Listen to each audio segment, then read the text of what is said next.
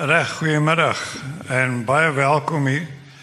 Ek moet om verskoning vra vir die misverstand rondom die my optrede hier vanmiddag. Maar miskien is dit te verstaan want die hele idee, die hele konsep van die rassigheid is insgelyks 'n problematiese konsep om te hanteer. En ons het eintlik meer tyd nodig gehad om daaroor te dink. Okay. Ek wil ja, aan my regterkant is Max de Pre en ver regs is Bill Nassen. 'n uh, kollega van my by die Universiteit van Stellenbosch se geskiedenisdepartement. Uh, ek wil begin hierdie idee van die rassigheid in te lei deur twee aanhalings en dan sal ons probeer 'n bietjie dit nader definieer. Uh mense wat aan julle bekend is, so Slabbert en uh, van Saul Slabbert en Mandela het hulle baie pertinent daaroor uitgelaat. En van Saul Slabbert het ge in 2000 in in die jaar ja, in vroeg 90s gesê The 1970s saw the collapse of the partition state. The 1980s saw the shift to an integrated state. The 90s will see the battle for the non-racial democratic state. and dis wat hy voorsien het. Natuurlik in 19 in 19 Februarie 1990 is Mandela vrygelaat en met daardie gedenkwaardige toespraak op die Kaapse parade het hy die volgende oor non-racialism gesê. When the people of South Africa make their demands for justice, there is one word that they use again and again, and that is non-racialism. In an era of pat slogans sung and shouted at mass meetings and headlined in leaflets and banners, this word stands out precisely because it's not glib. The demand for non racial South Africa is the common ground that unites a wide, wide range of forces for change. The primary goal is a completely restructured society, democracy in which people are not differentiated according to racial criteria. Nou met dit in die ag, met dit as 'n agtergrond wil ons graag hierdie onderwerp inlei. Die eerste kwessie wat ter sprake kom is is dit enigstens moontlik om die idee van non-racialism te definieer? Max, kan jy ons miskien help daarso? nee, nee, regtig nie. Wat ek wel kan sê is dit is 'n utopiese konsep. Ehm um, wat sê ons weier om te aanvaar dat ras die belangrikste ding is wat ons as burgers definieer. Dit sê ons droom van 'n toekoms waar uh, ons postras gaan wees. Uh dit sê nie ras is nie belangrik nie, is nie 'n faktor nie. En ek dink dit is dit word baie misbruik deur veral wit konservatiewe mense wat sê waar is die non-racialism uh want hulle wil sê wit en swart moet op op op gelyke vlak by mekaar maar wees. Maar dis meer 'n inklusiewe konsep. Wat sê uh, ons het gemeenskaplike belange. Uh ons het gemeenskaplike waardes. Dit is belangriker as velkleur en ons moet uitkom by 'n punt waar ras, waar ons nie mekaar se ras heel eers te sien nie. Dis die naaste wat ek kan kom aan 'n definisie. Well, would you like to add to that? Ja, natuurlik, is persoonlik. I think um I don't know about the rest of you, but as I get older, I hate the online age. where you have to fill in forms online. And um, there was a period uh, when I was at UCT in the early 1980s, and you had to fill out these forms. And I've always grown up personally rejecting the idea of race, of classifying myself by race. I don't mind being classified as anything else. Whim, I don't mind actually or um, as a boring university lecturer or as middle class, but I've always objected to any racial category. So in the early 1980s, you used to get these forms at UCT um, where we had to fill in race because of some statutory collecting of data.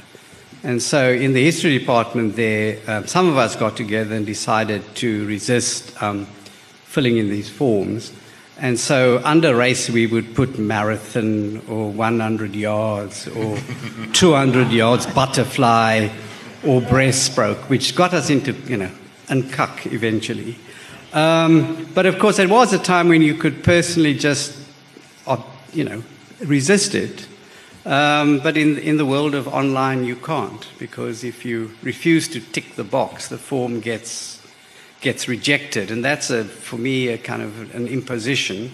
Uh, but I agree with Max. I mean, it is, it is, um, it is utopian. I can go on and probably bore you a bit later about why I feel so strongly about um, about about this um, about this issue. But I think there is there is um, that's what it is. I mean, I won't you know uh, elaborate much on what um, Max het altyd gesê, alles gesê at this point. Yeah. Uh wel ja, jy, jy haal nou die kwessie aan van die, die oorspronge daarvan. Ek glo terugneem daarna toe want want jy het uh, groot geword in 'n omgewing waar daar baie besondere idees oor ras ontwikkel is, die non-European unity movement.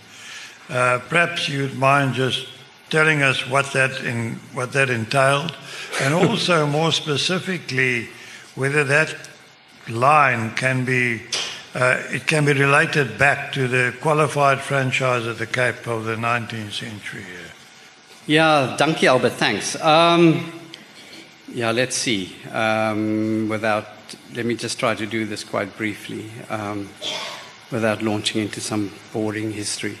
Um, but the non-European unity movement was a sort of a movement or an organization, um, principally in Cape Town, which came out of this kind of tradition of what's, what Cape Town is called a kind of small tradition of multiracialism or non-racialism, which meant which goes back to the 1853 franchise, where it's the Cape franchise of the 1850s, um, formulated uh, largely by Robert Southey. And his old, and there was a wonderful phrase from Southey. He would prefer to have the Hottentot inside the tent than outside the tent pissing in. But he put it a bit more eloquently than that. But it was about, it was the ideal of a common society and slowly incorporating everybody over a very long period of time. So it started off in the 1850s with this qualified franchise, which meant uh, that you could have the vote if you had, if you owned a certain amount of property, and if you owned, uh, or if you reached a particular level of literacy later on. And that meant that very large numbers of impoverished African migrant workers who were illiterate were excluded or didn't earn enough. Um, but equally, arma blancas were also excluded. And so there was the idea that the franchise should belong to those who were fit to vote. In other words, people with property, people with a certain level of education. And then you have the development of sort of municipal civic politics in Cape Town uh, in, the, um, in the late 19th century and into the 20th century, where you could kind of, where there were little, yeah, we'll get onto the boycott thing and the unity movement, but there were always spaces in Cape Town where you could evade racial segregation. So even at the height of apartheid, you could go to Kirstenbosch Gardens. It was never segregated racially. Uh, if you went to False Bay, you could go to some place called Sunrise Beach, where there were no racial signs. You could go, as I did, to Kalani Motor Racing Circuit. It was mal oor motorfiets at that time. But Kalani Motor Racing Circuit throughout the 1960s had something called non-white entrance and white entrance. And in the middle was nog 'n nog 'n stukkie which said general public entrance. and so people who did not wish to sit in either of these two hawkies could go in through the general public entrance as human beings and just sit sit together. And the various other, I mean, I won't go on, but the various other sort of spaces around that. There was a Luxorama Theatre in the 1960s where because of some peculiar quirk in the Group Areas Act that was mixed. Um, there were various places where you could have clubs and, um, and societies. And so behind all this, or arising from this, was the sort of non-European unity movement, which was a small um, I mean, a minor political grouping, mainly in Cape Town, but with little stuckies in Joburg and also in the Eastern Cape, in the urban areas of the Eastern Cape, uh, comprised really of teachers and journalists and lawyers. They were never going to get a mass following. So it was a, a political movement of the intelligentsia who completely rejected the idea of race. So I went, to, I went to a school, for instance, in the 1960s, where in fact you were not allowed to talk about people as being white or Afrikaner or English. You simply you devised another set of names. You either put them in inverted commas or you talked about a Herrenvolk, because it came out of the, the ideology of the 1930s, the ideas of racial supremacy, and Untermenschen, who was sort of everyone else. And so, for example, I, I will stop shortly. Um, but for example, for the non European unity movement, you were always fiercely opposed to the ANC and to the idea of ANC multiracialism or charterism because the ANC recognized national groups. If you think of the Freedom Charter, which talks about national groups, South Africa consists of people who are Indian or white or colored or African.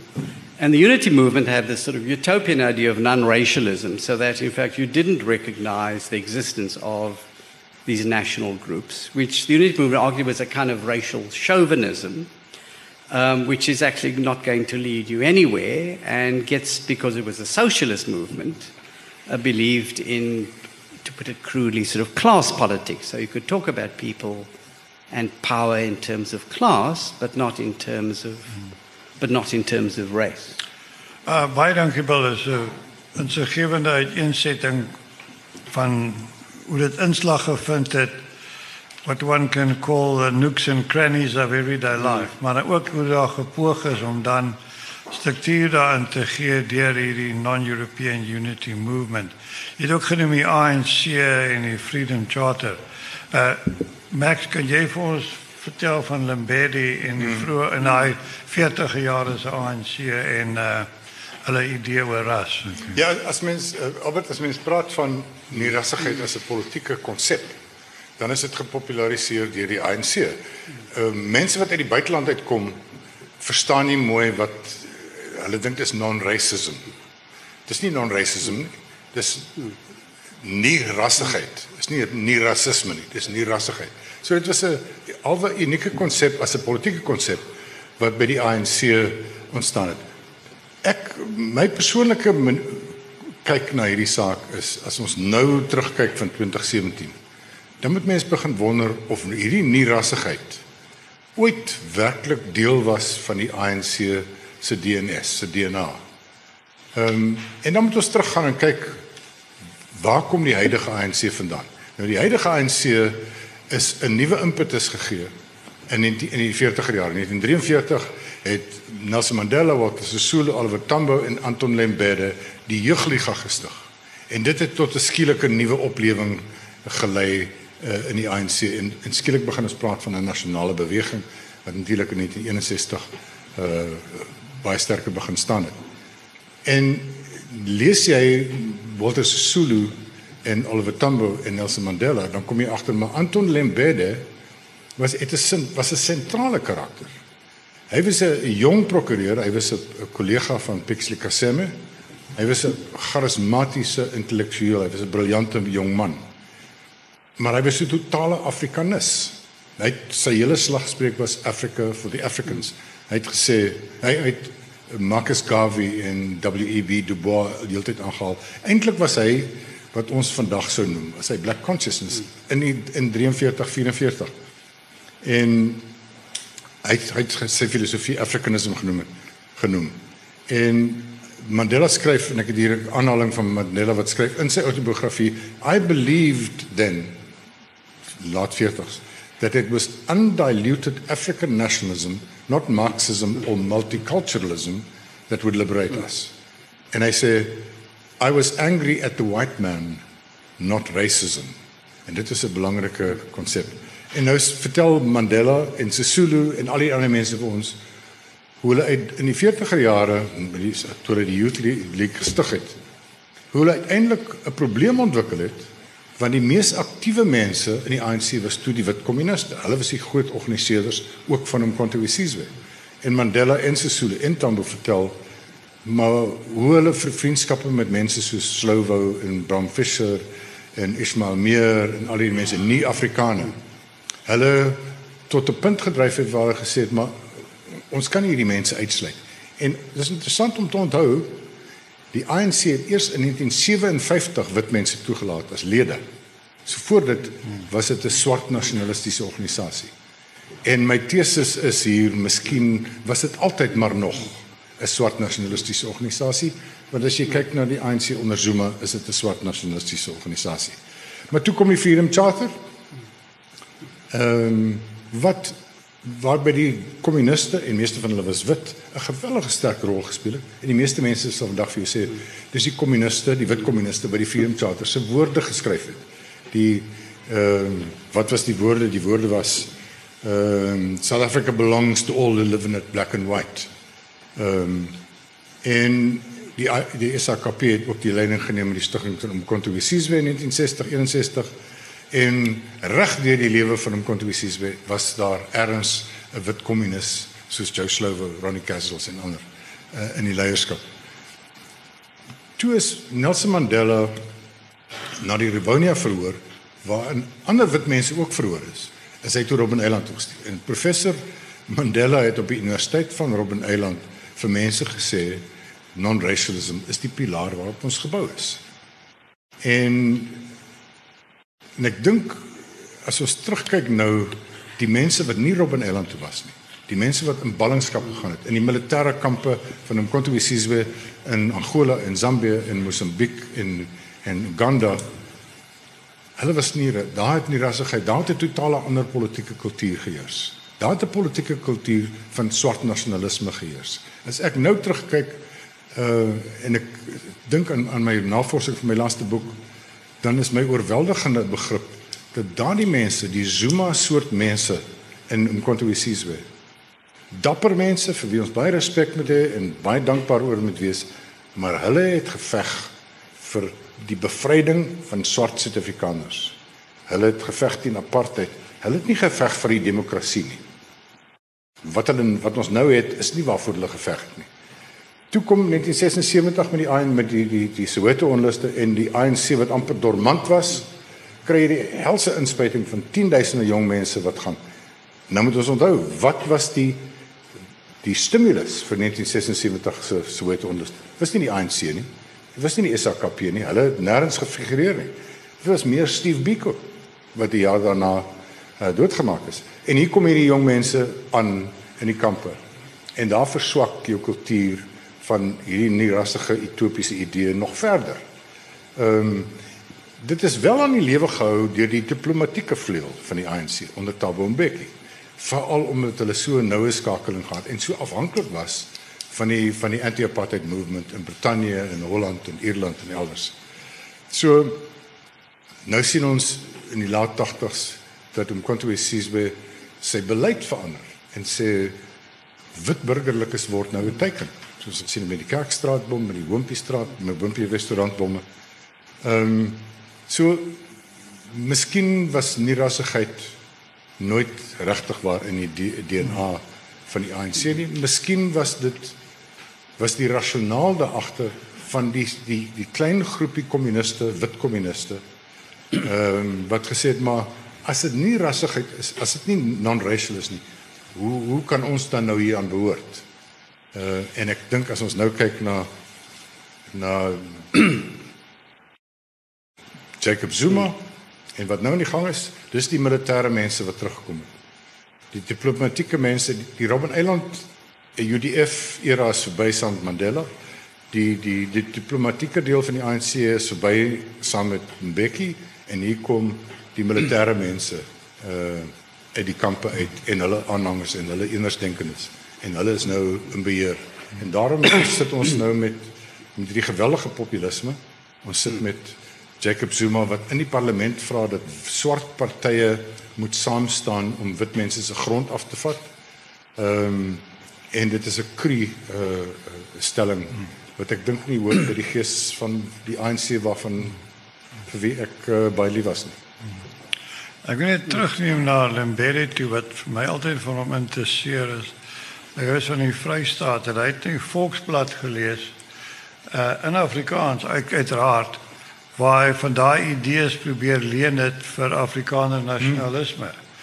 So daar was daar was eintlik 'n tipe mens sal nie nou veel te veel af van kan maak nie, maar daar was tog 'n manier wat oor en weer geleen is uh, polities alhoewel hulle andersins baie verskillend. Maar, maar jy weet julle julle behoorlike historiese, julle akademiese historiese het besware hierteen, maar ek is sommer net 'n gewone ou.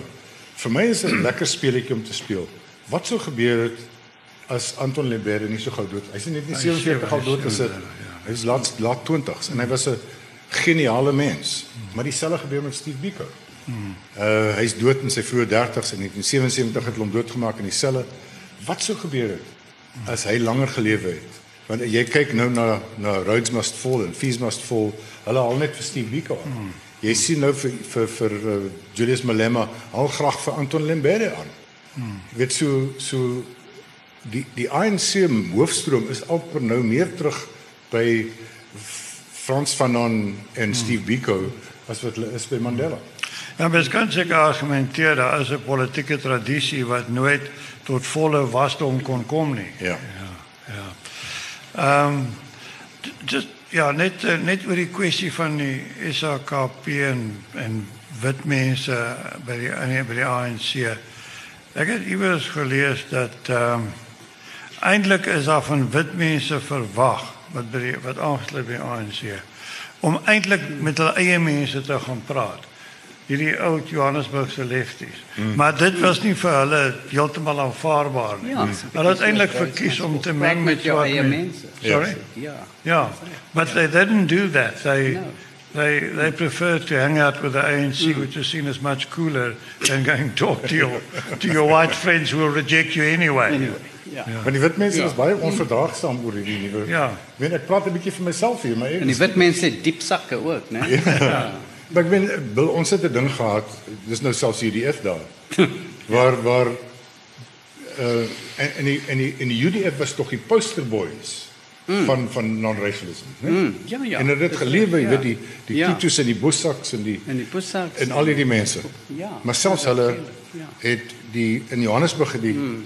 soos my vriend hier verduidelik die Johannesburgse lefties.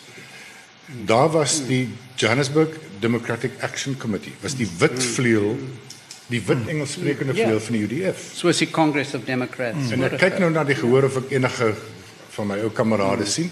Ons het toe in 7 in 88 omdat Afrikaanse mense, progressiewe mense, onvriendelik on, onwelkom gevoel het in JODAC, die Johannesburg Democratic Action Committee.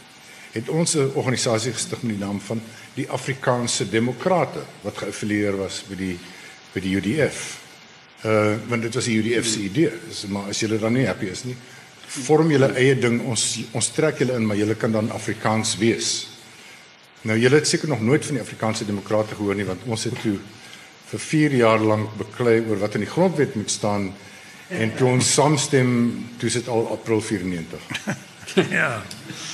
Uh die ander in 1980s op en dit was natuurlik 'n baie belangrike dekade geweest. En as mens nou terugkyk daarop, sal jy sê die UDF en nie rassige wekroep dit was eintlik misleidend geweest en net bloot 'n politieke strategie. Ja, ek, ek praat van, van van nou nie van akademiese ervaring, ek praat van persoonlike ervaring van 83 84 regdeur tot 90 my daar as 'n as 'n journalistieke aktivis ehm um, die nie rassigheid wat ek in UDF belewe het was absoluut eerlik en werklik. Baie eerlik, ras het nie verdwyn nie, maar ons is almal saam hierin wit en swart en bruin en indiër want ons gemeenskaplike vyand is die stelsel van van apartheid en en en onderdrukking. En so ek het nie gedink die die Boesaks en die Tutus en die Mofamadis uh en die mense uh Terro Lekota, die manne wat toe En jy kyk waar sit hulle nou? Kyk kyk tel hulle maar almal die wie grens, ja. wie die topmense was van daai tyd. Ehm ek dink dit is 'n baie eerlike uh en opregte strewe. Ook omdat daar die UDF het half uit die Kaap uitgekom het. Ja, natuurlijk. En dit was 'n geweldige sterk brein uh inisiatief. Om die waarheid te sê in die begintye was dit meer brein as wat dit swart was en dit het gou verander. Maar ja. miskien is dit een van die van die verklaringe waarom die rassigheid so sterk was in die UDF. Want Dis- die ja. brein en die wit progressiewes moes so iets kon hê want hulle kan nie deel wees van swart nasionalisme nie. Dis die dilemma wat ons vandag mee sit. Is hier sit ons met die die fullest movement, Rhodes must fall and fees must fall wat nie wat vra soos hulle laasweek gedoen het. Toe hier 'n Keniaanse skrywer was, kan die wit mense asseblief die vertrek verlaat? Ons wil nie saam met hulle wees nie. En ons sien die soort van taal. Ehm um, wat teen die totale essensie gaan van There's, Ja, there's kan ek vir julle sorry. kan ek vir julle Ja. twee iets vra? I mean there is an argument that um, that non-racialism arguably is a strategy that should be pursued or advocated by people who are a minority. So that if you form part of a nationalist majority, you don't need none anything. Easy done. don't. Yeah, um, And so that, you know, I don't want to get too academic here, but that structurally it makes sense for Indians in South Africa to support non-racialism. Yeah, yeah, yeah. It makes sense for people classified coloured to perform, Hmm. for people Yeah. classified white to pursue non-racialism. yeah. That's the essence. That's the That's the essence. essence. Of Jy it. het That's nie the essence nommers of it. jy het nie die nommers nie. Ja, that's the essence of it en dit is hoekom uh, ons nou hier sit en sê "Oeh, die droom van non-racialism het het, on, Hmm. het, het verdamp. Yeah, that, that It's relates, verdampt. it relates to a note that I made. Yeah, yeah. What you've been No, no. saying is Yeah. that do black people have the same kind of angst about non-racialism? Yeah, well that is, yeah. or do they regard themselves as non-racial anyway? Race being black, so the issue does not black. does not arise. Uh, Yeah. Um, but, but, but still, I mean, talking about so-called coloured uh, emergence from that, from that, uh, those quarters, a person that stands out, of course, is Devil Alexander.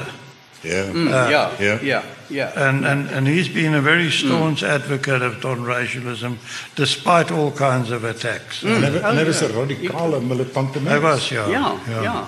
Miskien vir Bill Ja. Max hier ons meer wil vertel. Ja, ek hy Nee, nee, nee, jy- jy is hy is een van nommer my hy is een voorloper. Nou Alexander is Ja, een nou, van my ja. grootste helde.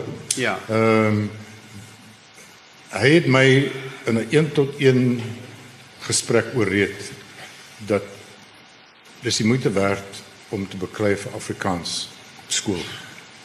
Uh en en en I mean daai man was as jy die left in Suid-Afrika wil de- definieer, hy was op die ver left. Maar hy het die absolute integriteit, intellektuele integriteit gehad. En hy het non-racialism gelewe. Ehm um, maar weer eens, Ja, no, I mean. hy was ja. bruin. Ja, hy was quite Hy bruin. ja. hy was nie 'n Zulu nie. Nee, nee. En ja, en ja. nou raak ons tog hier aan die snaar van die ding, die hartsnaar van die hele saak mm. is president Zuma en Thabo Mbeki het hom laasweek daarvan beskuldig dat hy weer tribalism aanwakker. Mm. Ja. So jy kyk na Fees Must Fall uh, daar so hier en daar nog 'n 'n 'n verdraagsaamheid teenoor brein en indeer maar eintlik is dit 'n swart afrikanistiese Ja. soort van ding. So ons is terug. Ek onthou in 1987 het Herman Gillomee by die veelbesproke Dakar Safari in Senegal toe van sy slabbert in Breiten Breitenberg en ons almal soontoe is. Het hy daar opgestaan in hierdie groot beraad daar in Senegal, Senegal. En gesê hierdie non-racialism is als bullshit. Hy sê die enigste deal wat ons moet maak, ons moet Afrikaner nasionalisme en Afrika nasionalisme bymekaar uitbring en 'n deal maak en hulle moet besluit wie is wie en waar is wat en weet wat se mag. En en hy's verskriklik verfoei daaroor. Hy was reg oor Afrika nasionalisme. Hy was verkeerd oor Afrikaner nasionalisme. Want waar's dit nou? Waar's Afrikaner nasionalisme nou? Uh en miskien uh um moet ons al drie bietjie ook besin oor wanneer ons praat van nierassigheid wel ten minste ek as ek daaroor praat dan sê ek dit is dit my vertrekpunt dit is jammer dit bestaan nie meer nie.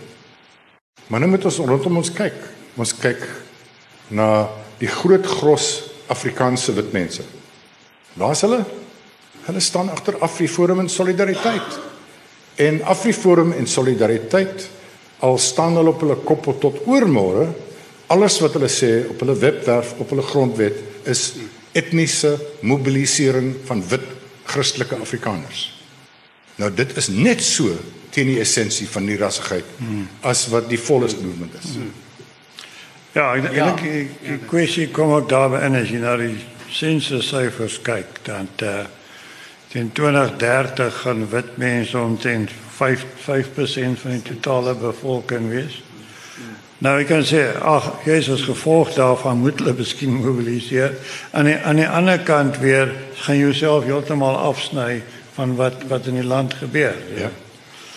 As dit die moeite uh, werd is, die vraag wat ons moet vra ja. en ek vra dit nou vir die Afrikaanse koerante wat nou die Afriforum koel uitgedrink het. Hmm. Is dit tyd om te sê nie rassigheid is dood. Ons is behoort nie aan hierdie nasie nie. Ons is afsonderlik. Ons moet nou ons groepsregte eenkant gaan definieer en ver, ver, en beskerm. Is dit wat ons nou doen, maar dis wat Afriforum wil doen. En hoe meer die burger in beeld en rapport aangaan, hoe nader beweeg hulle aan Afriforum en gee vir hulle stem.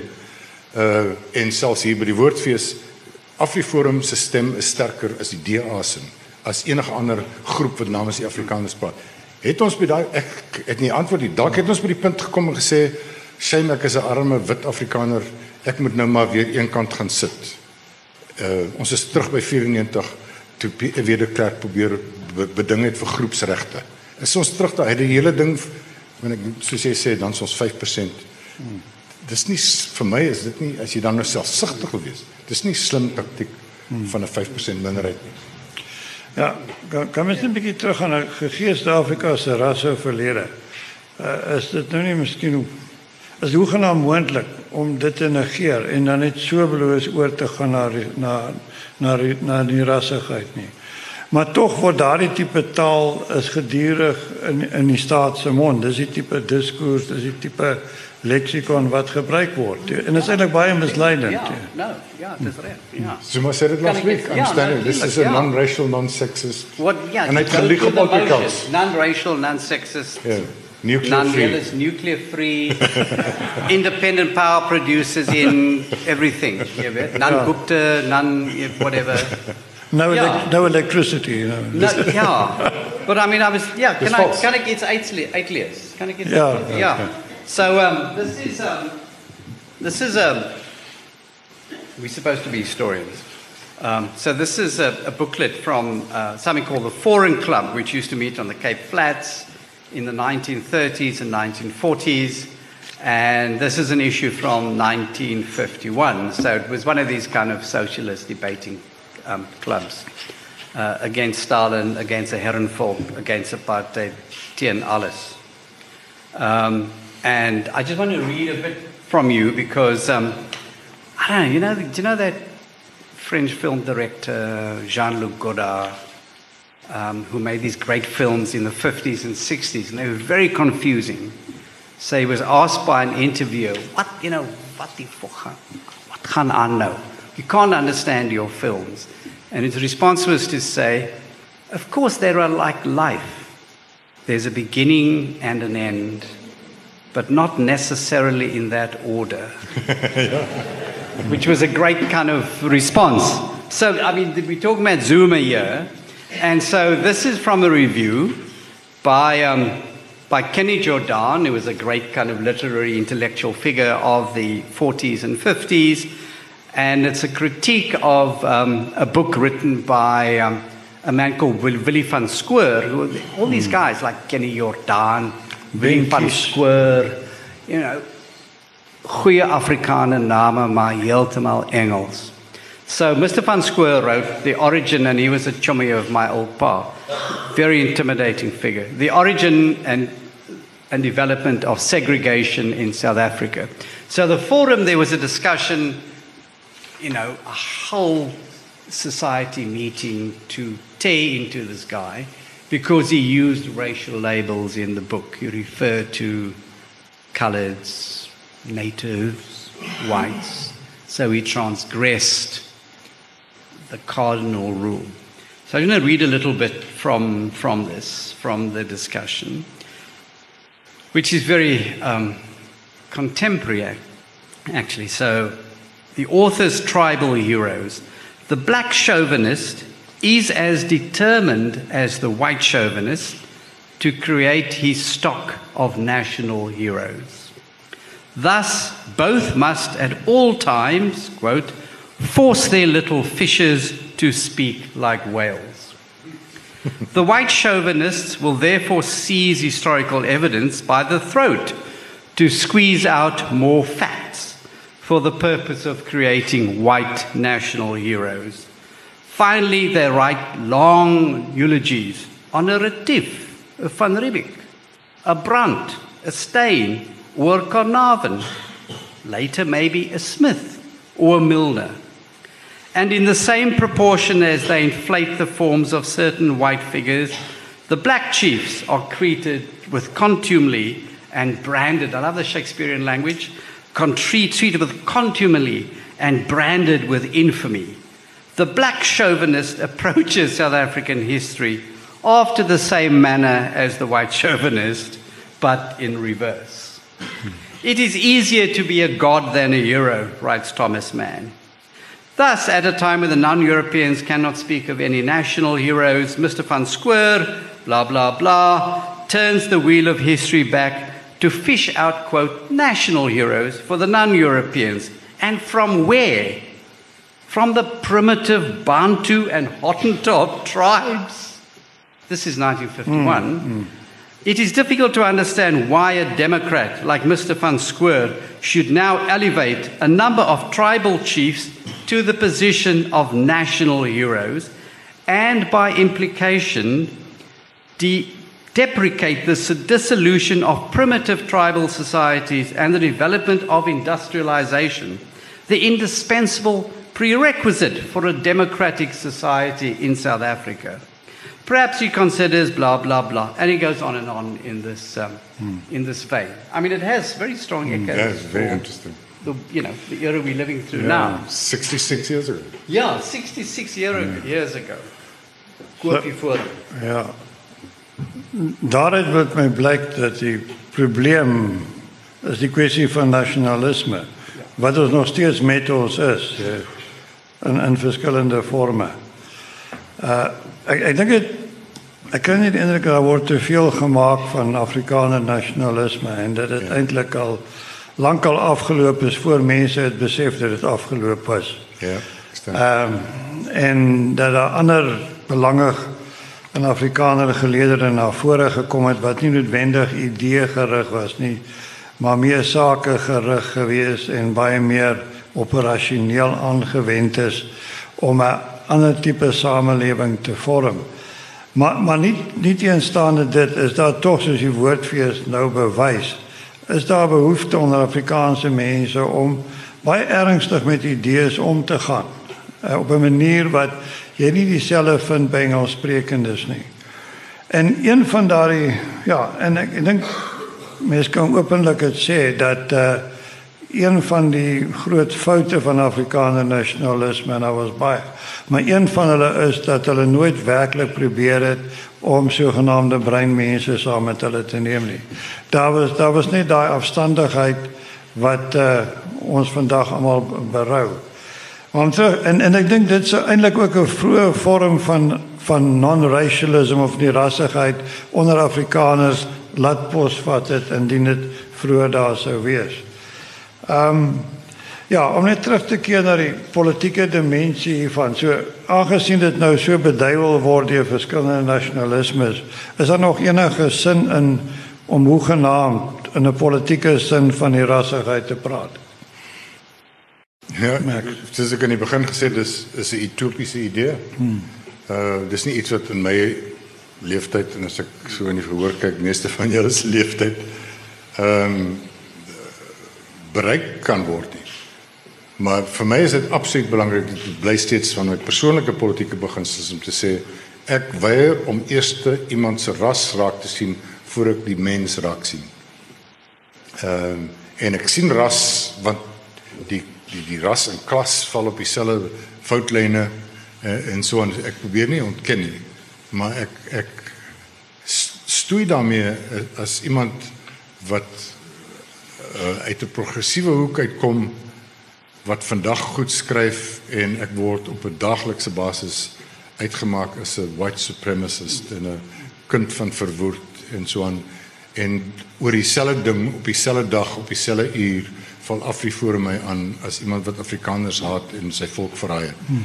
Ehm um, en dit laat Ek hou nie van die idee van rassemobilisering nie. Ek hou nie van etniese mobilisering nie. Ek dink ons moet dit teenstaan.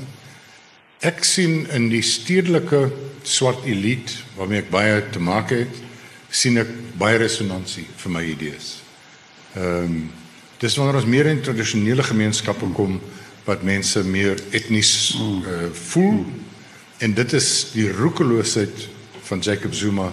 Hy maak daai vuur nou weer wakker. Uh, hy het sy steun in die stede verloor en nou gaan maak hy die etniese vure wakker in die platteland.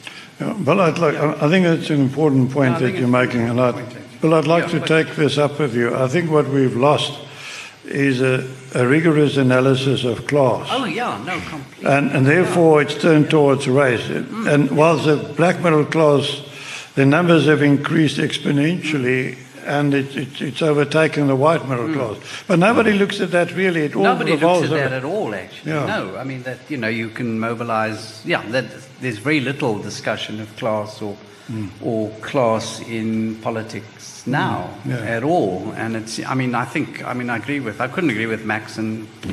You more. I mean, I think the idea of, um, I mean, politics should be about ideas and change and mm. not about, I mean, it's offensive for politics to be based on the color of one's skin. It's revolting. Uh, is, is, is 'n ander vraag wat ek wil teruggooi vir jou en sê as ons ons in Suid-Afrika, ons die mense van Suid-Afrika meer vordering gemaak het sedert 1994 in terme van ongelykheid op meestal rassebasis, uh armoede, werkloosheid. Ehm um, sou nie rassigheid of hierdie verdraagsaamheid hierdie inklusiwiteit nie makliker gekom het nie. Is die is die ekstreme rashoudings wat ons sien by die fullest movement en by Black First Land First en by die EFF en nou by die populiste van Zuma is dit nie ook deels 'n produk van die frustrasie dat so min in die samelewing verander het nie. En en en dan moet mense daarna ook die vraag vra wie se skuld is dit dat dit so min verander het? En dan moet ons met met die bleekvelletjies ook maar so nou dan 'n bietjie uh mea culpa sê, maar dan moet die op een volgende ANC regerings soos ons in die laaste paar weke gesien het hoe hulle miljarde en miljarde mors op hulle self en op hulle eie uh uh geldsug uh ook seker mea culpa sê. Ja, dis dis 'n moeilike vraag.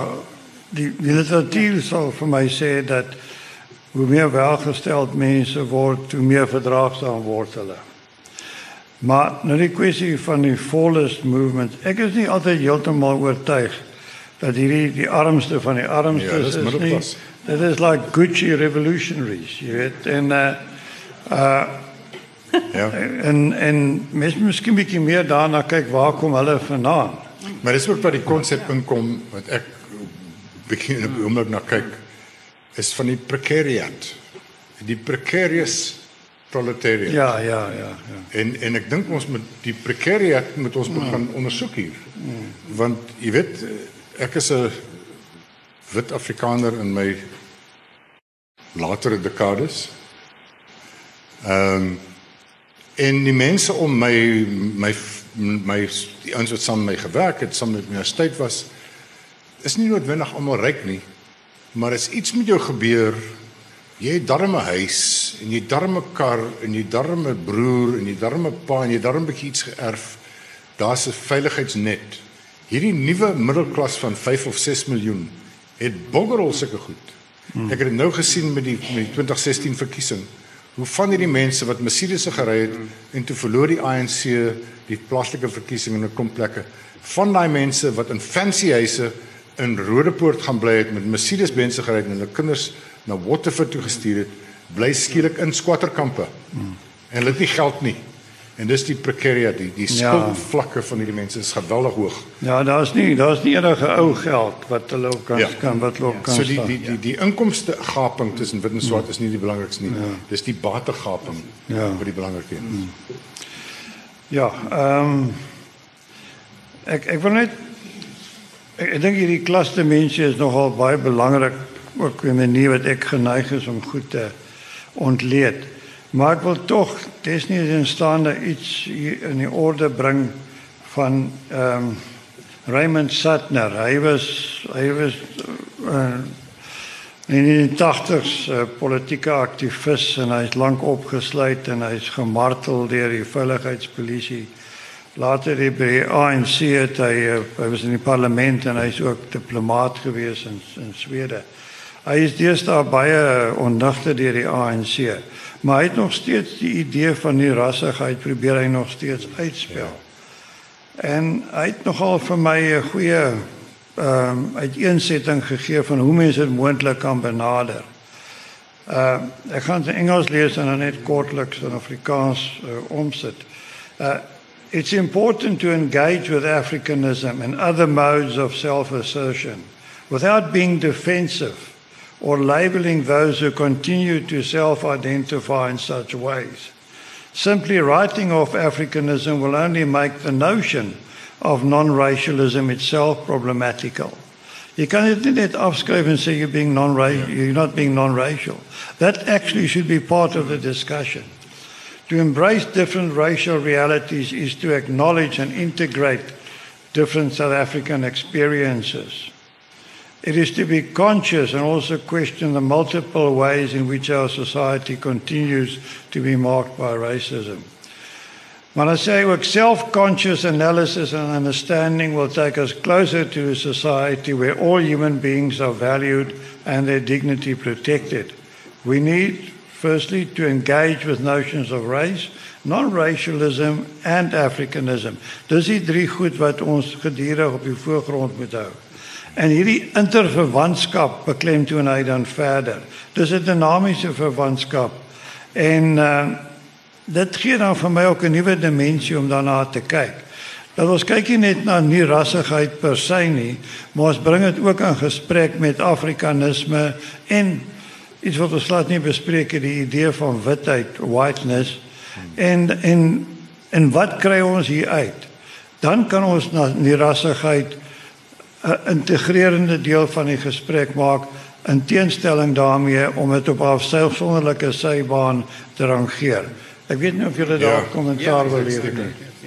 Ja, Raymond is 'n ek meen hy het 'n brein op hom, ek meen hy's 'n spesiale ou. Ja, Kan ek vir julle vinnig 'n storie vertel van Raymond Sutton?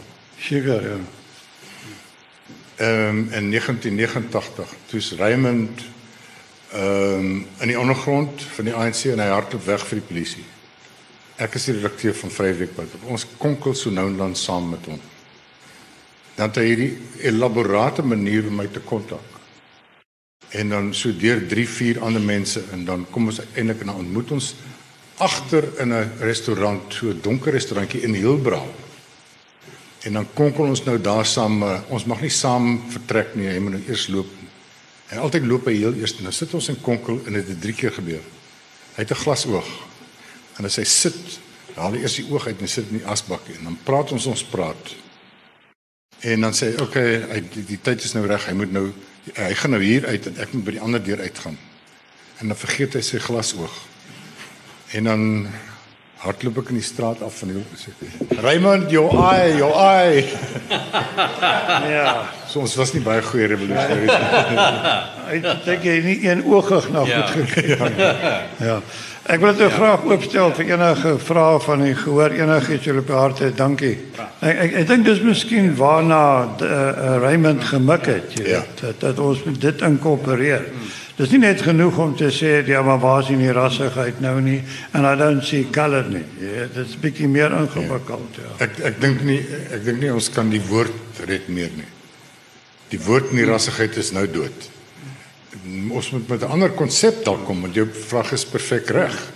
Ehm uh, 'n nuwe inklusiwiteit, maar die woord nierassigheid non-racialism is dood. Uh en, en ons kyk na hierdie bloedige oorlog in die ANC uh oor die volgende ten minste hierdie jaar, maar waarskynlik baie langer. Waar jy moet die jy moet die basest emotions van mense moet moet uh, oproep maak. Uh, en dan is dit tribalism in Africa for the Africans en van die grond af.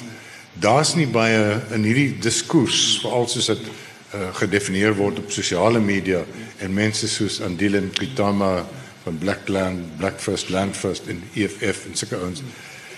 Daar's nie baie ruimte vir argument nie. Ehm um, maar jy's reg, ons moet dit herdefinieer en 'n ander naam gee of miskien moet ons dit nooit weer 'n naam gee nie en net sê ons praat van 'n verdraagsaamheid, 'n erkenning van gemeenskaplike burgerskap. Ehm um, en 'n gemeenskaplike toekoms van ons is meer as net wat ons hoe ons velle lyk. Uh, dankie Max. Enige ander vrae asseblief? Wat sê jy, Bill? Max, ek dink dit is vir jou. Okay. Ja, Ehm um, dis jou grond. nee, ek dink nie my, my indruk was nie dat daar oneerlikheid dat dit 'n slenter was. en ek ek het as 'n joernalis destyds nog die hele skikkingsproses, die onderhandelingsproses van baie naby af gevolg en binne met die binnemense gepraat. Ek dink dit was baie, maar jy moet ook kyk dit, dit slaan terug na wat ek vroeër gesê het. Wie was die mense wat onderhandel het? Is mense soos Kader Asma. Uh is mense soos Albie Sachs. Ehm um, nee, daai mense was gewillig opreg en ek dink hulle het dit in die eerste plek geglo en in die ander plek geglo dit is die enigste manier waarop ons vrede gaan koop. Wat ons en ek meen as jy terugkyk na die Mandela era, dit was 'n totale oorfokus, 'n noodwendige oorfokus op moenie die wit mense te skrik maak nie. Moet hulle nie harnas injaag nie, moet hulle nie beledig en bedreig nie, want ons het hulle nodig vir stabiliteit en en hulle is ons medelandgenote. Ehm um, so ek dink die, die aanvanklike deel was was 'n regte een. En ek meen en daar kom waarvan praat ons eintlik? As ons praat van daar was gekuiter, daar is uh, gekuiter vir die wit mense. Is die die eiendomsklausule. Die res die res van die grondwet gaan oor private regte soos ehm uh, gender en en en reg op om verhoor te word en al daai soort van goed. Die die die property clause, die eiendomsklausule was die ding wat die wit mense tevrede gestel het. Is dit nie ironies nie dat laas Vrydag het die president van die ANC in die land opgestaan en gesê dis daai klousule wat ons moet laat vaar. Ehm um, so ons moet probeer onthou dat 1994, 1996 toe ons hierdie grondwet gekry het, is baie eeue gelede in ons politieke geskiedenis. Die manier die die spoed van ons politieke ontwikkeling is so ver dat dit is baie lank gelede. Ehm um, en en bitter baie water het in die see geloop sedertdien. Die politieke dinamika is fundamenteel anders vandag.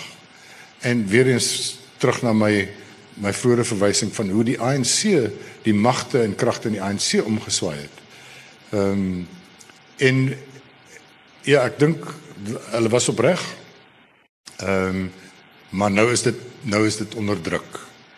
En die die oproep van die president dat dat grond moet afgevat word is totaal onrealisties. Ons gaan dit nie gou sien gebeur nie.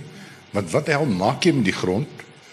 Jy kan dit nie net uitgee nie, jy moet vir mense nog baie meer betaal. As jy 'n boer op grond wil vestig, is 'n derde daarvan is die koste van die grond, 2/3 is om die mense te help om implemente te koop om te belê op die grond. En daar bestaan nie sulke geld hier nie. Ons is amper 70% verstedelik. Mense wil nie meer gaan suffer op die waar jy op jou knieë moet gaan en sê liewe Here bring tog reën ons gaan dood nie. Jy gaan liewer klim in jou Mercedes en jy ry job toe en jy kry jou salaris. Dis hoe dit werk. Maar ons werk met emosionele goed en baie oneerlik oneerlikheid. Soos president Zuma wat sê grondloosheid is die oorsaak van al die swart armoede. Nou sê jy, okay, wat van die Filippyne? Wat van Korea waar niemand grond het nie en almal is middelklas? Wat van Malawi en al hierdie ander plekke waar almal grond het en almal is arm?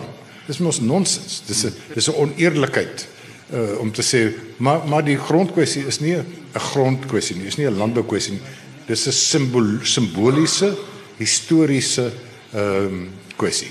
Ja, en ons sal die gronddeel daarvan, die landboudeel daarvan en die politieke simboliese historiese deel daarvan moet oplos. En dit is die groot berg wat voor ons lê. Hoe gaan ons hierdie goed als gekombineer ja, kry? Dis maar landelike Zuma se droombeelde, wanbeelde ja.